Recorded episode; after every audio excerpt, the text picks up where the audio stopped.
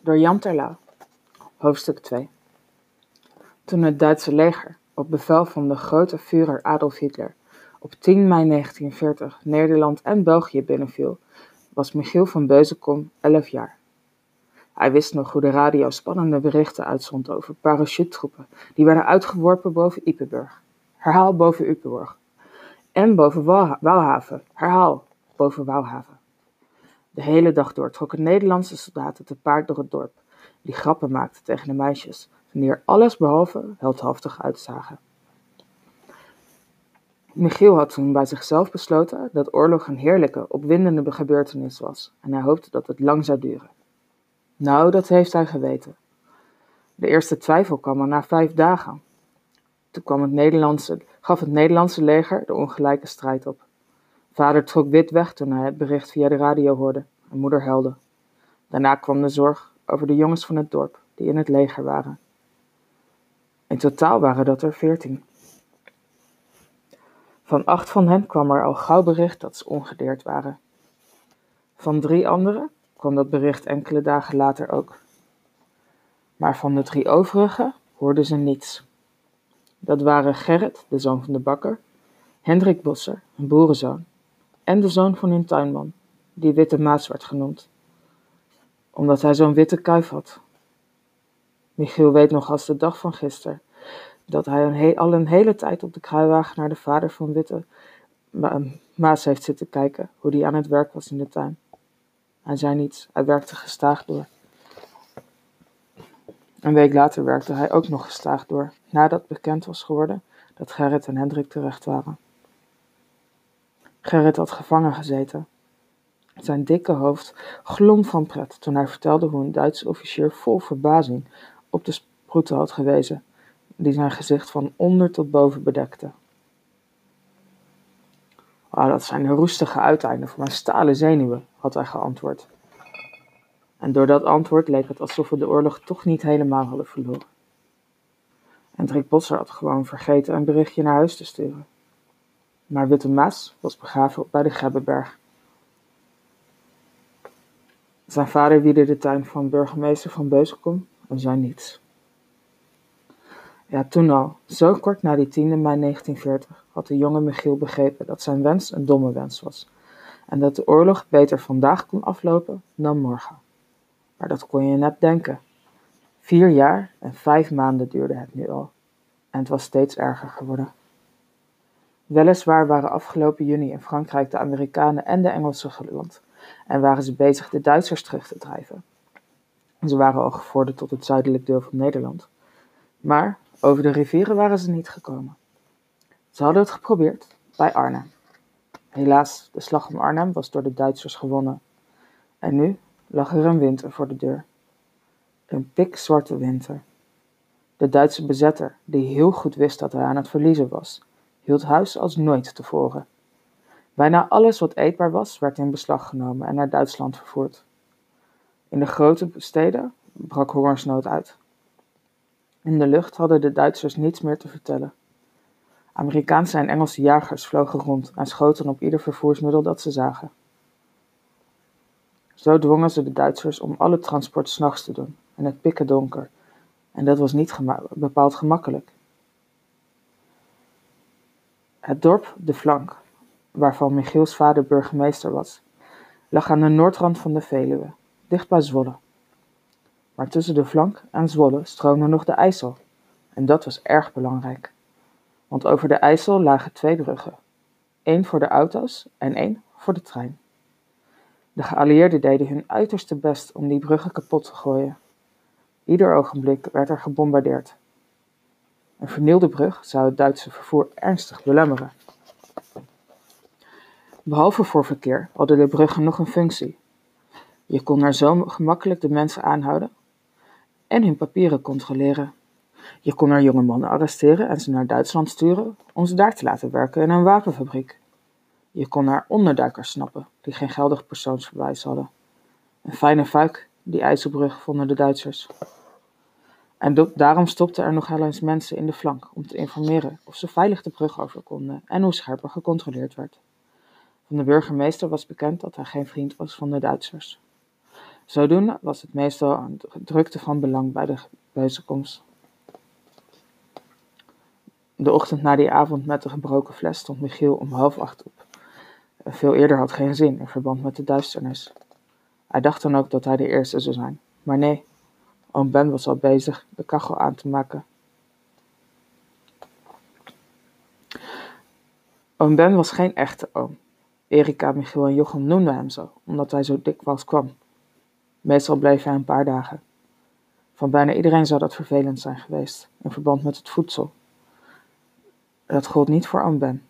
Die wist altijd iets op te scharrelen. Vorige keer had hij zelfs een half onsje vooroorlogse thee voor oom, moeder meegebracht. En een echte sigaar voor vader. Goedemorgen, oom Ben. Ah, Michiel, ik heb je nodig, kerel.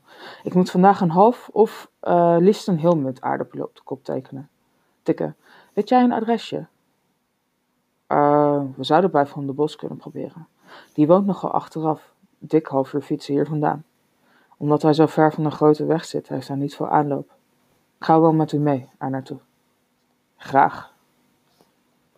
Het begon lekker warm te worden in de kamer. De kachel brulde van enthousiasme. Wantrouwig keek Michiel ernaar.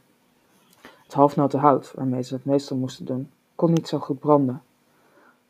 Hij lichtte het deksel van de antieke eikenhouten kist op. Zie je wel, leeg. Oom Ben had glashard alle wanhoopshoutjes in de kachel gestopt. U hebt de wanhoopshoutjes gebruikt, zei Michiel verontwaardigd. De wat? De wanhoopshoutjes. Oké, wat zijn dat? De dunne, droge aanmaakhoutjes uit de kist. Weet u, af en toe wordt moeder wanhopig. Dat is als de kachel drijft uit te gaan, net voordat het eten gaar is. Dan mag ze de houtjes uit deze kist gebruiken. Vader en ik hakken ze om de beurt, heel dun, en spreiden ze uit achter de kachel tot ze kurkdroog zijn. Oom Ben keek schuldbewust. Ik zal hoogstpersoonlijk zorgen dat de kist weer volkomt.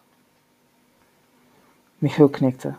Dat duur je een uur over, vriend, dacht hij, maar hij zei niets. Hij bood ook het niet aan om het voor zijn oom te doen. Wie roekeloos omsprong met de wanhoopshoutjes, moest daarvan zelf de wrange vruchten maar plukken.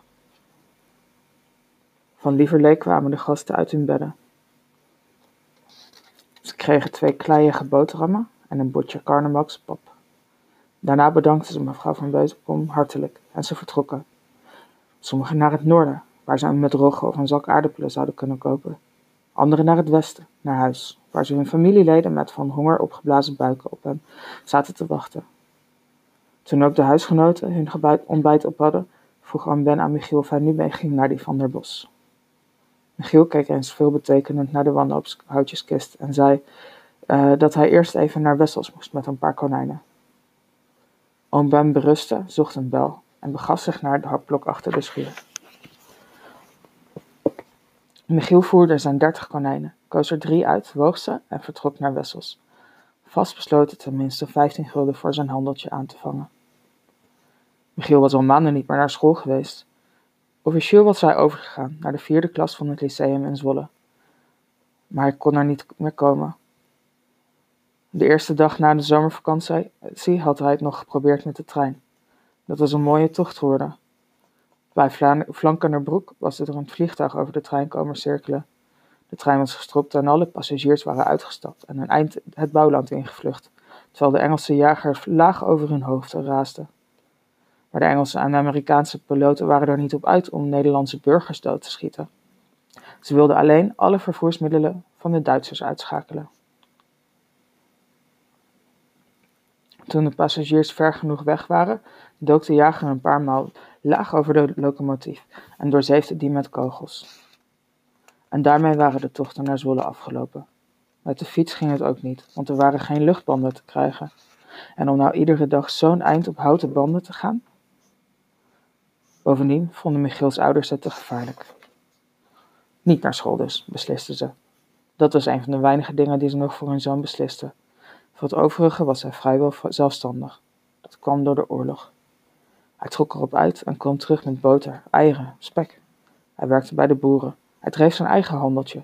Hij repareerde voor de trekkers uit de stad de kaduke kruiwagens, karretjes en rugzakken. Hij wist enkele Joodse onderduikers te zitten en hij wist precies wie een clandestine radio had. Hij wist dat Dirk bij de geheime ondergrondse strijdkrachten was aangesloten. Het was niet erg dat hij van deze gevaarlijke dingen op de hoogte was. Hij was van nature erg gesloten en had er geen behoefte aan om over wat hij wist te kwebbelen.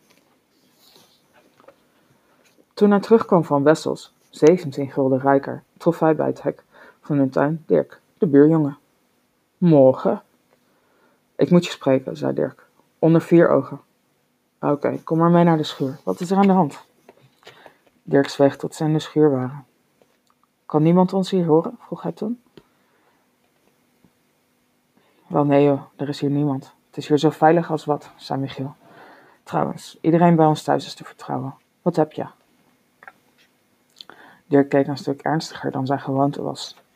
Zweer dat je er niemand iets van zult vertellen? Ik zweer het, zei Michiel. Vanavond, zei Dirk, overvallen we met drie man het distributiekantoor in Lage Zanden.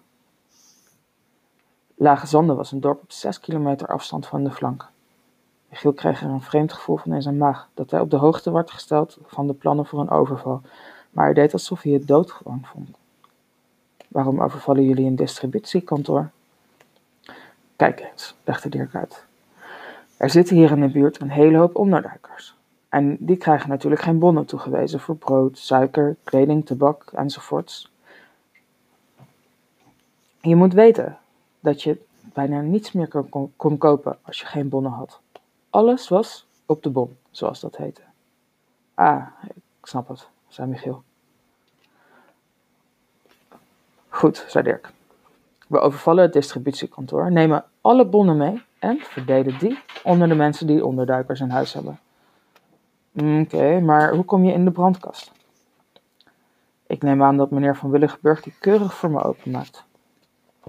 Wie is meneer Van Willigenburg? De directeur. Die man is van het goede soort. Ik weet dat hij vanavond overwerkt. Wij gaan erheen en dwingen hem de brandkast te openen en ons de nieuwe bondkaarten te overhandigen. Ik reken erop dat hij niet erg zal tegenspartelen. Wie zijn we? Gaat je niet aan?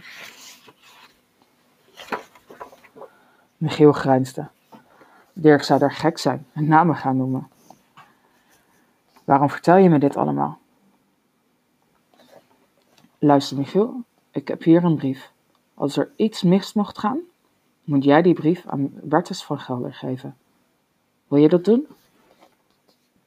Aan Bertus hardhorend. Zit hij ook in het verzet? Je moet niet zoveel vragen. Jij geeft die brief aan Bertus. Dat is alles. Oké? Natuurlijk. Je denkt toch niet dat er iets misgaat? Nee, nee, nee, dat denk ik niet. Maar je kunt het nooit zeker weten. Heb je een plek om de brief te verbergen? Jawel, geef maar hier. Dirk haalde een envelop van onder zijn trui tevoorschijn. Hij was dichtgeplakt en er stond niets op geschreven. Waar verstop je hem? Dat gaat jou niet aan. Dirk grijnsde op zijn beurt. Morgen kom ik hem ophalen, zei hij. Oké, laat je niet pakken, Dirk. Ah, nee joh. Zorg goed voor die brief. Aju. Aju. Fluitend liep hij de schuur uit. Michiel opende de deur, die toegang gaf tot het binnenhok van de kippen. Hij haalde het stro uit het vierde leghokje van rechts. Het plankje op de bodem zat los. Hij tilde het half op en schoof de brief eronder. Daarna bracht hij alles terug in de oude toestand. Die vinden ze niet, dacht hij bij zichzelf.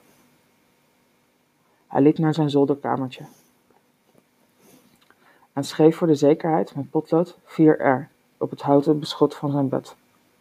Vierde van rechts. Niet dat hij het zou vergeten, maar je kon nooit weten. Ziezo, dat was geregeld. Wat nu? Oh ja, met Ambem naar Van de Bos. Hij ging naar beneden en kwam Ambem tegen, die met een arm vol wanhoutshoutjes op weg was naar de kamer.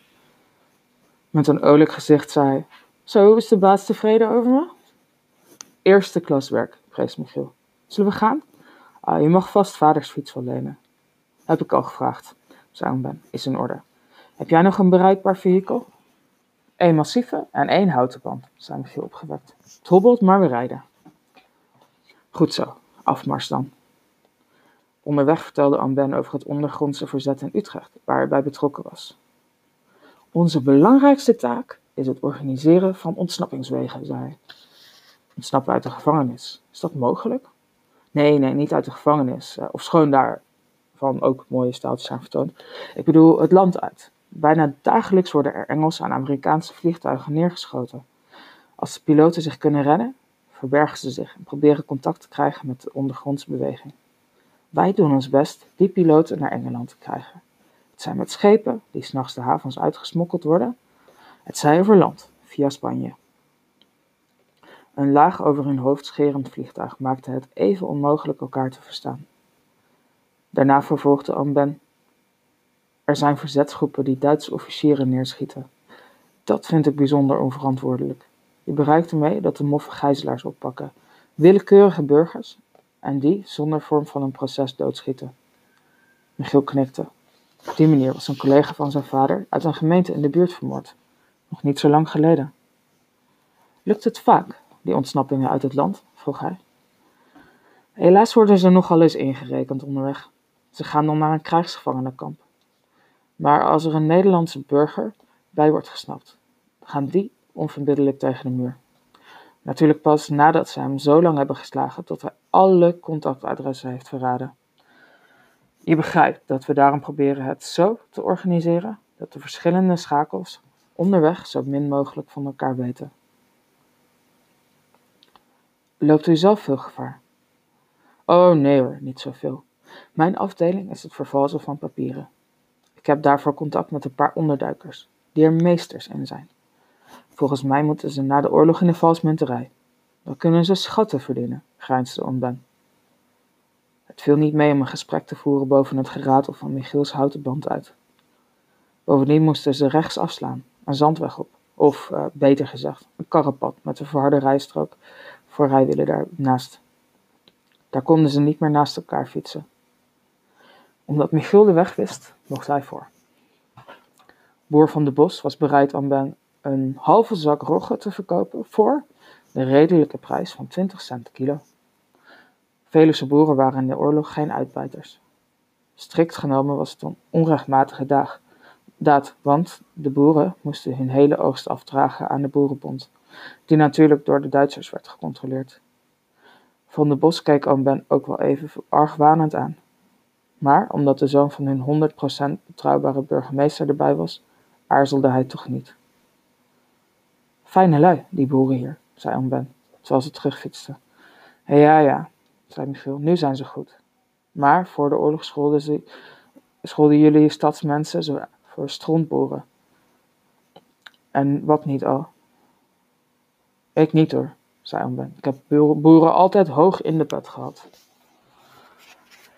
De dag verliep verder rustig. Er werd wat geschoten in de verte, bij de IJssel, maar dat was zo gewoon dat niemand er acht op sloeg. Michiel verzorgde de kippen en de konijnen, bracht voor zijn vader een brief naar een van de wethouders. De telefoon deed het niet meer. Hielp een, hielp een voorbijkomende trekker, wiens karretje vol aardappelen instortte. Kortom, hij maakte zich verdienstelijk. Diep in zijn binnenste kankerde een vaag gevoel van: ik wou dat het alvast morgen was. Dat zat hem in die overval van Dirk. Niet dat het zo gevaarlijk was. Zulke overvalletjes gebeurden geregeld. Maar toch. Het werd avond en het huis vulde zich zoals gewoonlijk met halve vreemdelingen. Tussen negen en tien was er een aanhoudend gebrom van vliegtuigen in de lucht. Amerikaanse bommenwerpers, op weg naar Duitsland, wisten ze.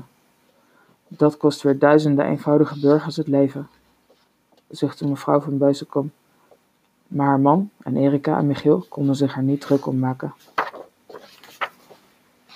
Eigen schuld, zei de burgemeester hard. Zij zijn deze afschuwelijke oorlog begonnen. Zij hebben het eerst open steden gebombardeerd. Warschau en Rotterdam. Leer om leer. Daar heeft dat kleine meisje in Bremen, dat misschien op dit moment een bomscherf in haar been krijgt, part nog deel aan, zei mevrouw van Beuzenkom. Oorlog is vreselijk. Het beeld van een meisje met een bomscherf in haar been, daar hadden ze niet zo gauw van terug. Het gebrom stierf weg. Ook de karbietlamp gaf langzaam aan de geest. Michiel liep naar buiten en tuurde naar het huis van de buren. Hij zag of hoorde helemaal niets. Dirk is natuurlijk al lang binnen, probeerde hij zichzelf gerust te stellen. Hij wilde net weer in huis gaan, toen hij een auto hoorde aankomen. Instinctief drukte hij zich tegen de muur. Snel reed de auto niet. Ah, dat kon ook niet, met die dunne streepjes licht die uit de verduisterde koplampen kwamen. Tot zijn grote schrik hoorde Michiel dat de auto stopte voor het huis van Knopper. Een zaklantaarn flitste aan. Nog dichter drukte hij zich tegen de muur. Kennelijk liepen er een paar mannen door de voortuin van Dirks huis. Ja hoor, er werd zo hard aan de bel gerukt dat hij het duidelijk kon horen. Ook werd er met een laars tegen de deur geschopt. Aufmachen! Aan dat bevel tot openmaken van de deur werd blijkbaar voldaan, want Michiel hoorde de onzekere stem van Dirks vader en enige schreeuw in het Duits dat hij niet kon verstaan. De soldaten gingen naar binnen en het werd stil. Fout. Foute boel, dacht Michiel onthutst. Dirk is gesnapt. Of misschien weten ze dat hij aan de overval heeft deelgenomen. Het hart klopte hem in de keel.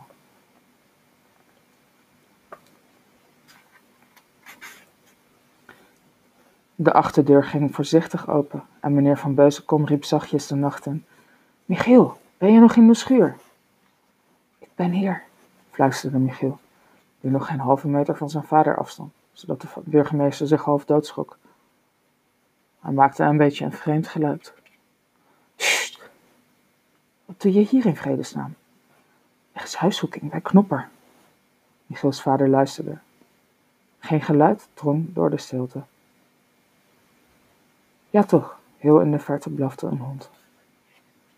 Hoe kom je daarbij? Ik heb ze net naar binnen zien gaan. Ze schopte tegen de deur. Ik kan me niet voorstellen dat Knopper ooit iets tegen de Duitsers zou durven ondernemen. Trouwens, ze hebben inkwartiering. Of zouden ze huis aan huis doorzoeken?